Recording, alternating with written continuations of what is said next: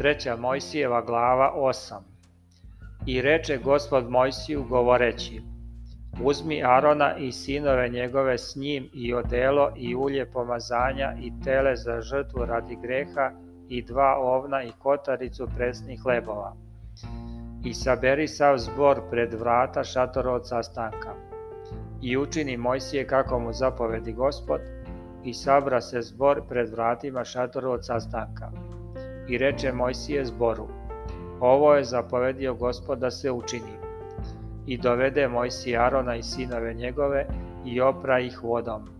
I obuče mu košulju i opesa ga pojasom i ograno ga plaštom i metnu mu svrh njega oplećak i steže oko njega pojas od oplećka i opasa ga njim. I metnu na njem naprsnik i na naprsnik metnu urim i tumim Još mu metnu kapu na glavu i na kapu metnu pred ploču zlatnu, krunu svetu, kao što zapovedi gospod Mojsiju. I uze Mojsije ulje pomazanja i pomaza šator i sve stvari u njemu i osveti ih.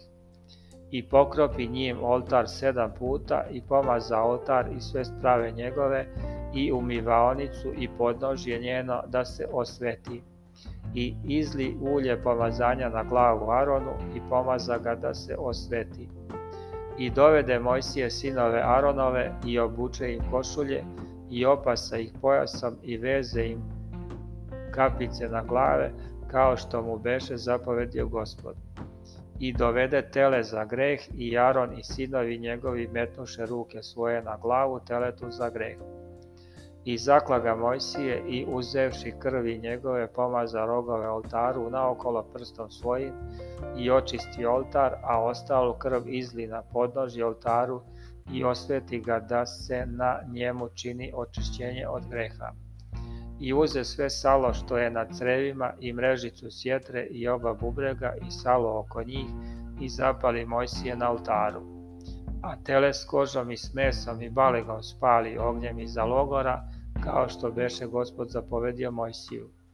I dovede ovna za žrtvu paljenicu i Aron i sinovi njegovi metnuše ruke svoje na glavu ovnu.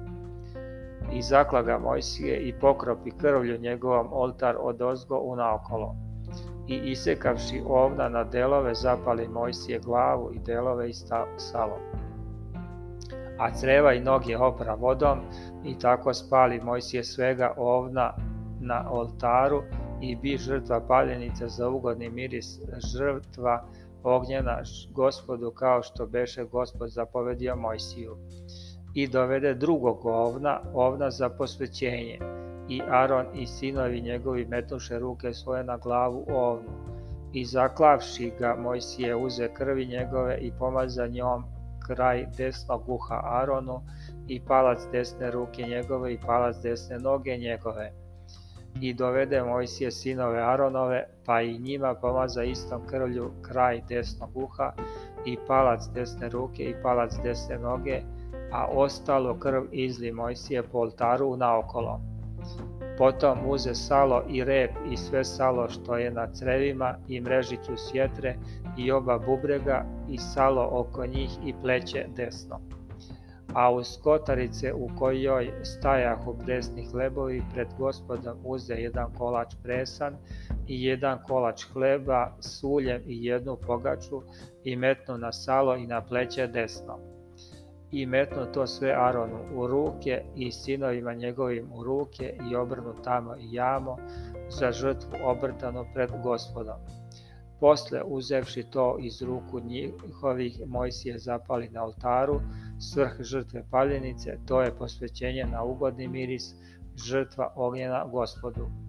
I uze Mojsije grudi i obrano ih tamo i jamo za žrtvu obrtano pred gospodom i od ovna posvetnog dopade Mojsiju deo kao što beše zapovedio gospod Mojsiju i uze Mojsije ulja za pomazanje i krvi koja beše na oltaru i pokropi Arona i haljine njegove i sinove njegove i haljine njihove s njim i tako posveti Arona i haljine njegove i sinove njegove i haljine njihove s njim.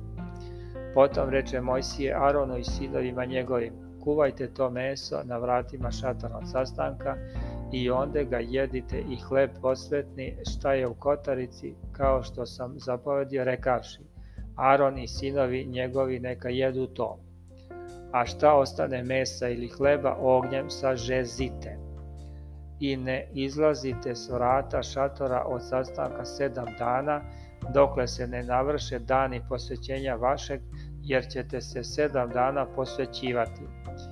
Kako je bilo danas, tako je Gospod zapovedio da se čini da biste se očistili od greha.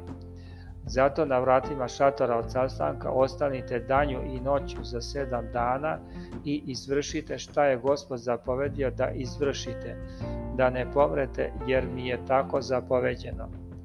I Aron i sinovi njegovi učiniše sve što beše Gospod zapovedio preko Mojsija.